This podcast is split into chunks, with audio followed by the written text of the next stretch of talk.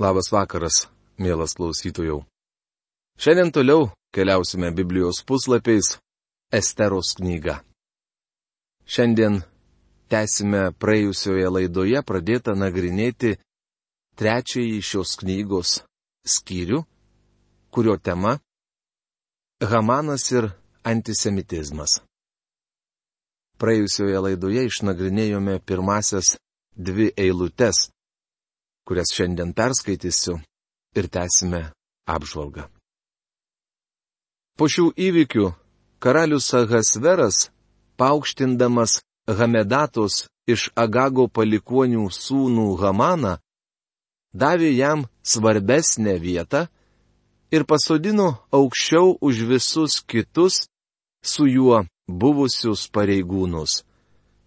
Visi karaliaus dvariškiai rūmų vartuose klaupdavosi ir puldavo kniupsti prieš Hamaną, nes taip jį pagerbti buvo įsakęs karalius.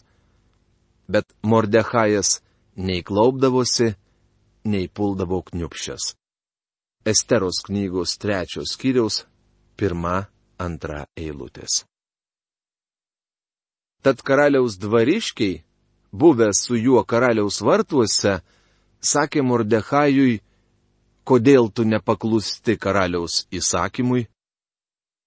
Tai jiems primenant diena po dienos, bet jam nenorint paklusti, jie pranešė Hamanui, norėdami pamatyti, kaip šis priims Mordechajo elgesį. Mat, Mordechajas buvo jiems pasisakęs esas žydas. Esteros knygos trečios skyriaus trečia, ketvirta eilutės. Jo paklausė, kodėl jis nenusilenkia. Ir tuomet Mordechajas pirmą kartą pasisakė esas žydas. Iki šio laiko jis niekam apie tai neprasitarė.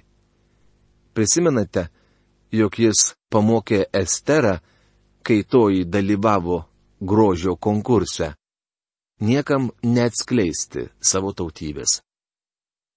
Net jos vyras to nežinojo. Tačiau dabar Mordechajas jiems pasisako, aš nesilenkiu prieš Hamaną todėl, kad esu žydas. Ta pačia akimirka jis atskleidžia jiems savo religiją. Jis garbina tik vienintelį tikrą gyvąjį Dievą. Jis nesilenkia jokiam stabui, jokiam paveikslui, jokiam žmogui. Pakartoto įstatymo šeštos kiriaus ketvirtoje eilutėje jis buvo išmokytas. Klausykis, Izraeli, viešpats yra mūsų Dievas, vien tik viešpats. Tai turėjo pareikšti pasauliui, senoviniam pasauliui stabmeldiškam pasauliui Dievo vienybę. Šiandien ateistinėme pasaulyje mes turime skelbti trejybę. Dievą tėvą, Dievą sūnų ir Dievą šventąją dvasę. Mordechajas užėmė tvirtą poziciją ir dabar kiti žino, kodėl. Tų dienų pasaulyje žydai garsėjo tuo, jog garbino vienintelį tikrąjį Dievą. Man norisi šaukti valio Mordechajui. Atsiprašau dėl to, ką anksčiau apie jį sakiau. Dabar pirmą kartą jis užima tvirtą poziciją Dievo atžvilgiu ir tai jam nepigiai atsiais. Nemanau, jog Mordechajas galėjo įsivaizduoti, kad tai palies visus jo tauto žmonės. Tačiau jis suvokia, jo gali netekti ne tik savo darbo, bet ir gyvybės. Patyręs, kad Mordechajas iš tikrųjų nesiklaupia ir nepuola priešais jį kniupščias, Hamanas labai niršo. Bet jam atrodė per maža pakelti ranką tik prieš Mordechają kadangi Hamanui buvo pranešta, kad Mordechajas esą žydas, Jis norėjo sunaikinti ir visus žydus, Mordechajo tautą, visoje karaliaus Ahasvero karalystėje. Esteros knygos trečios kiriaus penkta šešta eilutės. Šioje pastraipoje Hamanas atsiskleidžia kaip niekšas. Jam reikėjo nekreipti dėmesio į Mordechają. Kai Mordechajas ima ryškėti kaip Dievo vyras, Hamanas atskleidžia visą savo bjaurumą kaip šietono žmogus. Visų pirma, pastebime, koks jis apgailėtinas. Vėliau skaitysime apie tai, kaip jis verkia savo žmonai ant pėties. Jis kalba kažką panašaus. Pasaulyje turiu viską, ko galėčiau trokšti. Karalystėje galiu turėti viską, ko tik noriu, tačiau tas žydelis prieš mane nesilenkia. Tai gali drumsti ramybę tik menkystai. O Hamaną nepaprastai erzina. Hamanas ketina padaryti baisų dalyką. Jis nori sunaikinti visus žydus, gyvenančius Ahasvero karalystėje. Esu tikras, jis nieko nežinojo apie Dievo pažadą Abraomui palaiminti tuos, kurie žydus laimina, ir prakeikti tuos, kurie juos keikia. Tačiau Dievas įvykdo savo pažadą. Mums te reikia atsiversti istorijos puslapius, kad suprastume, jog žydai dalyvavo laidotuvėse kiekvienos tautos, kuri mėgino juos sunaikinti. Sunaikinti žydus mėgino Hitleris. Jis mane jų atsikratysęs, tačiau šiandien Hitlerio ir jų bendrų nebėra, o žydai tebėra. Dievas pažadėjo rūpintis savo žmonėmis. Stebuklinga jau vien tai, kad jie nebuvo išnaikinti. Dievas juos tikrai išsaugojo. Esteros knygoje mes vėl pamatysime, kaip Dievas saugo žydus. Karaliaus Ahasvero 12 metų pirmą mėnesį, tai yra Nisano mėnesį, buvo mestas pur, tai reiškia burtas, Hamano akivaizdoje nustatyti dieną ir mėnesį, kada per vieną dieną būtų sunaikinta Mordechajo tauta. Burtas nurodė 12 mėnesį, tai yra Adara. Esteros knygos trečios skyriaus septinta eilutė. Sulik kiekviena diena Hamano susierzinimas augo. Kiekvieną kartą jam einant pro vartus, visi puldavo žemyn veidų, išskyrus žydelį Mordechają, ir tai nervino. Jis nusprendė imtis priemonių. Kai Hamanas sužinojo, jog Mordechajas jam nesilenkė dėl savo religinių įsitikinimų, Jis nusprendė, kad žydų žudynės visos tautos mastu išspręs šią problemą. Hamano žiniai metė burtą, vadinamą pur, kad nustatytų, kurią metų dieną sunaikinti žydus. Tačiau nei Hamanas, nei žiniai nesuvokė, jog kaip tik Dievas nulėmė burtą. Šioje situacijoje Dievas paėmė viršų. Burtas nurodė paskutinį metų mėnesį, todėl buvo pakankamai laiko, kad Hamano samokslas būtų atskleistas ir sustabdytas. Tada Hamanas tarė karaliui Ahasverui. Visose tavo karalystės valdose gyvena išblaškyta, bet atskira tauta su savo įstatymais, kurie skiriasi nuo visų kitų tautų įstatymų. karaliaus įsakų jie nesilaiko. Todėl karaliui nedėra jų pakesti. Jei karaliui atrodo gera, te būna paskelbtas įsakas juos sunaikinti. O aš atsversiu dešimt tūkstančių sidabro talentų tavo valdytojams padėti į karaliaus išdą. Esteros knygos trečios skyriaus aštunta, devinta eilutės. Hamanas pranešė Kserksui, kad jo karalystėje gyvena žmonės, kurie skiriasi nuo visų kitų. Jie buvo kitokie, nes vykdė Mozės įstatymą. Šią tautą reikėjo išnaikinti. Jis įtikino karalių, kad žydai nesilaiko karaliaus įstatymų ir kad jų likvidacija išdui atneštų daug turtų iš jų konfiskuotos nuosavybės. Pamenate, Kserksas visai neseniai dalyvavo kare, kuris jam daug kainavo. Jam reikėjo pinigų sąskaitoms apmokėti.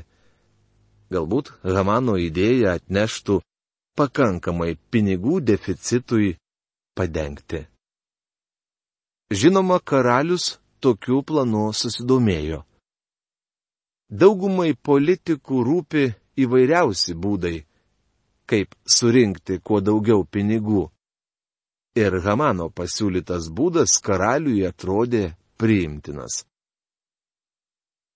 Kserksas taip mažai vertino gyvybę, kaip ir dauguma tų laikų monarchų, kad net nepasidomėjo, kas tie žmonės, kuriuos Hamanas norėjo išnaikinti. Hamanas nežino, kad karalienė Estera tos pačios tautybės. Pats Kserksas nežino, kad jo karalienė žydė ir kad šį kartą jis pritarė atimti jai gyvybę. Karalius nusijėmė anspaudo žiedą ir padavė jį Hamedatos iš Agago palikonių sūnui Hamanui, žydų priešui. Esteros knygos trečios skyriaus dešimta eilutė. Kserksas nusijėmė žiedą nuo piršto ir atidavė jį Hamanui. Tai buvo jo anspaudo žiedas. Anspaudas į žiedą buvo įspaustas minkštų vašku ir tai tapo karaliaus parašu.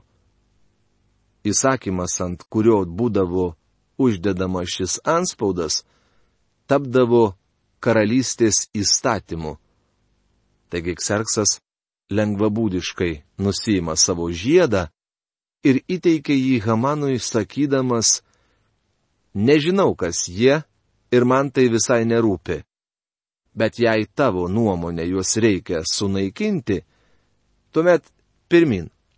Taip ir padaryk kaip menkai Kserksui rūpėjo žmogaus gyvybė. Jis išvaistė savo karalystės turtus kare prieš Graikiją.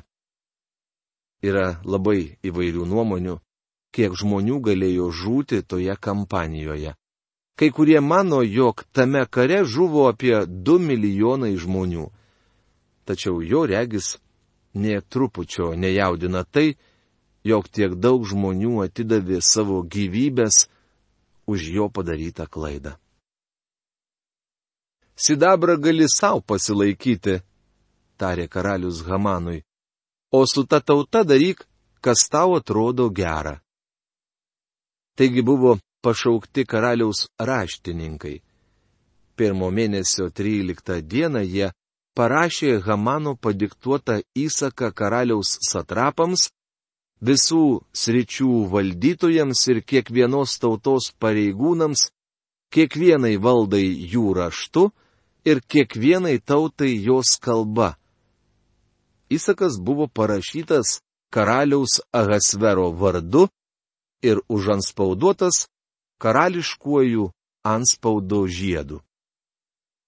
Per bėgunus į visas karaliaus valdas buvo išsiusti laiškai kad visi žydai, jauni ir seni moteris ir vaikai, turi būti sunaikinti, išžudyti ir išnaikinti per vieną dieną. 12 mėnesio tai yra Adaro 13 diena, o jų turtai paimti kaip grobis. Esteros knygos trečios skyriaus 11-13 eilutės. Įsakas sunaikinti žydus išleidžiamas kaip medų ir persų įstatymas. Reikėjo nemažų pastangų visiems tai pranešti, nes jei pamenate, Kserkso imperija driekėsi nuo Indijos per visą Aziją, per derlingiausias žemės ir viduržemio jūrą. Ji apėmė dalį Europos, visą mažąją Aziją iki Afrikos, Egiptą ir Etijopiją. Karalystė buvo didžiulė joje žmonės kalbėjo daugeliu kalbų. Mažiausiai 127 kalbomis. Taip pat turime atsižvelgti į tai, jog šiuose provincijose gentys kalbėjo įvairiais dialektais. Šis įstatymas turėjo būti išverstas į visas kalbas. Tai buvo nemažas vyriausybinis projektas raštininkai turėjo gerai paplušėti, kad įstatymą išverstų ir padarytų pakankamai nuorašų. Tai buvo didžiulis darbas. Kai buvo padaryta pakankamai egzempliorių visai karalystiai, laiškai buvo išnešioti kupranugariais ir asilais, juos siuntė per bėgūnus ir šauklius. Paskirtą dieną žydai turėjo būti išžudyti. Šis įstatymas davė antisemitizmui valią ir leido daugeliu žmonių elgtis taip, kaip jie matyt ir troško pasielgti savo širdyje. Tam skirtą dieną žudyti žydus bus teisėta. Šis įsakas įsigaliojo kaip medų ir persų įstatymas. Nuo pačios knygos pradžios mums vis kartojama, jog kartą duotas įstatymas neatšaukiamas. Šio įstatymo nebuvo galima pakeisti, jo nebuvo galima panaikinti. Vėliau sužinosime, jog buvo išleistas kitas, jam prieštaraujantis įstatymas, tačiau šis vis tiek turėjo išlikti sąraše. Šio rašto nuorašas turėjo būti perduotas į visas valdas, kad būtų paskelbtas kaip įsakas visoms kiekvienos valdos tautoms, įdant būtų pasiruošta tai dienai. Karaliaus įsakymų bėgūnai sparčiai išskubėjo į kelionę. Įsakas buvo paskelbtas ir Sūzų pilyje. Karalius ir Hamanas sėdosi vaišintis, o Suzų miestas buvo sukrėstas. Esteros knygos trečios kiriaus 14-15 eilutės. Suzų miestas buvo sukrėstas. Žydai nebuvo išdavikai. Jie nepadarė jokio didelio nusikaltimo. Kodėl reikėjo imtis tokių kraštutinių priemonių ir juos įžudyti? Nors galbūt Sūzų gyventojai nemėgo žydų ir laikė juos svetimšaliais su skirtingais papročiais, jie nenorėjo jų žudyti. Jie niekaip negalėjo suprasti, kodėl Kserksas leido įsigalioti tokiam įsakui. Vėlai vakare galėjai matyti, kaip raiteliai gauna įsakymus. Tiesioginė to žodžio prasme, šimtai vyrų turėjo įstoti į šią tarnystę, nes karalystė buvo labai plati. Galima buvo matyti, kaip raiteliai gauna naujo įsako, kuris jau tapo įstatymu nuorašus. Viena kompanija jojo keliu į pietus, kita į šiaurę, dar kita į vakarus bei į rytus. Jie jojo visą naktį. Kai atvykdavo į mažą miestelį, ant to miesto skelbimų lentos prikabindavo įsaką, kad kitą rytą žmonės jį perskaitytų. Tuomet raiteliai jodavo toliau. Kai žirgai pavargdavo, jiems duodavo naujus žirgus, kad jie galėtų toliau dirbti savo darbą. Visoje karalystėje išplatinamas įsakas, jog žydai turi žūti. Sužinome, jog jie skuba karaliaus nurodymu. Miestas buvo sukrėstas, tačiau karaliui tai nerūpėjo. Jis ir senasis Hamanas tą vakarą drauge sėdėjo ir gėrė kokteilius. Karalius nei nenutuokė, jog įsakas palies ir jo karalienę. Mano draugė, antisemitizmas - baisus dalykas. Jis egzistuoja ir mūsų laikais. Ne vienas krikščionis neturėtų prie jo prisidėti. Antisemitizmo šaknys Egipto plytinėse valdant žiauriam faraonui, kur žydai tapo tauta. Nuo to laiko didžiosios pasaulio tautos veikia prieš juos. Asirijos ir Babilono istorija kalba apie jų tremtį. Iš Esteros knygos sužinome, kaip jiems sekėsi Persijoje. Roma dalyvavo nusikaltime prieš žydus, o ispaniškoji inkvizicija buvo taip pat daugiausia nukreipta prieš juos. Yra paskaičiuota, kad valdant Hitleriui Vokietijoje žuvo 6 milijonai žydų. Trumpai panagrinėkime, dėl ko atsirado antisemitizmas. Jo atsiradimą lėmė dvi priežastys. Pirmoji - natūrali, o antroji - antgamtinė. Natūrali priežastis yra paprasčiausia - jie nepatrauklus supraskite mane teisingai. Memfyje gyveno žydas krikščionis, kuris buvo mano draugas. Jis buvo nuostabus žmogus. Pažvelkime į faktus. Bedievis, nesvarbu ar žydas ar pagonis, yra nepatrauklus. Nežinau labiau atstumenčio žmogaus nei bedievis pagonis, taip pat nežinau mielesnio žmogaus nei žydas krikščionis. Dievas matė, kokie mes atstumentys, pražuvę ir nepatrauklus, tačiau savo malonę jis padarė mus naujais kūriniais Kristuje. Ta pati malonė nusileido į žemę ir pavadino žydus išrinktąją tautą. Neapykanta žydams atsirado ir dėl antgamtinės priežasties. Dievo valia ir jo apvaizdos veikimu jo rašyto žodžio saugotojai buvo žydų tautybės žmonės. Biblija pasiekė mus jų dėka. Dievas juos pasirinko tam tikslui. Žydai perdavė šventą įraštą. Šetonas jų nekenčia, nes jie šventojo rašto prižiūrėtojai ir viešpats Jėzus Kristus kūnų kilo iš jų. Paulius tai išsakė tokiais žodžiais. Jiems priklauso protėviai ir iš jų kūno atžvilgių yra kilęs Kristus rašoma romiečiams laiško 9 skyriaus 5 eilutėje. To negalima paneigti. Todėl žydų atžvilgių egzistuoja antgamtinė neapykanta. Biblija kalba apie tai labai aiškiai. Mes žinome, jog Dievas pasirinko juos kaip savo žmonės ir savo tautą. Šietonas žydų nekenčia ir dėl to kartais pasaulio tautose prieš juos sukyla įtužis.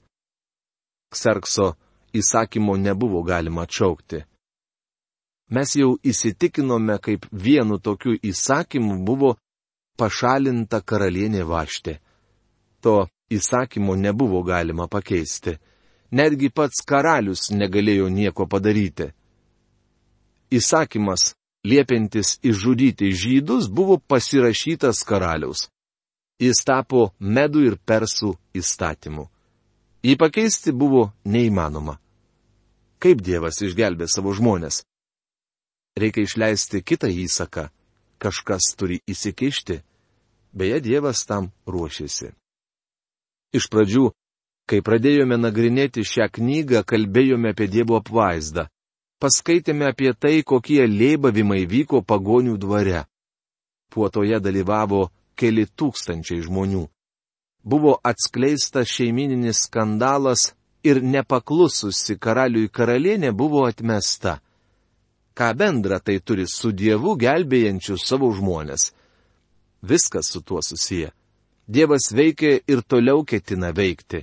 Į sostą jis pasodino savo žmogų. Ji bus ta, kuri išgelbė žydus.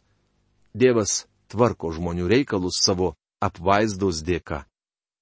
Dievo apvaizdą galime matyti pasakojime apie Jėzaus Kristaus gimimą. Cezaris Augustas pasirašė mokesčių įsaką, kuris skelbė, jog visas pasaulis turi mokėti mokesčius. Pasirašydama šį įstatymo projektą jis nežinojo, jog taip įvykdo pranašystę. Jis nežinojo, jog dėl šio įsako mergelė iš Nazareto eis į Betlėjų, kur pasaulį išvys jos pirmagimis. Manau, jog Cezaris Augustas būtų tik nusijuokęs ir pasakęs, nieko nežinau apie kūdikius, tačiau išmanau apie mokesčius.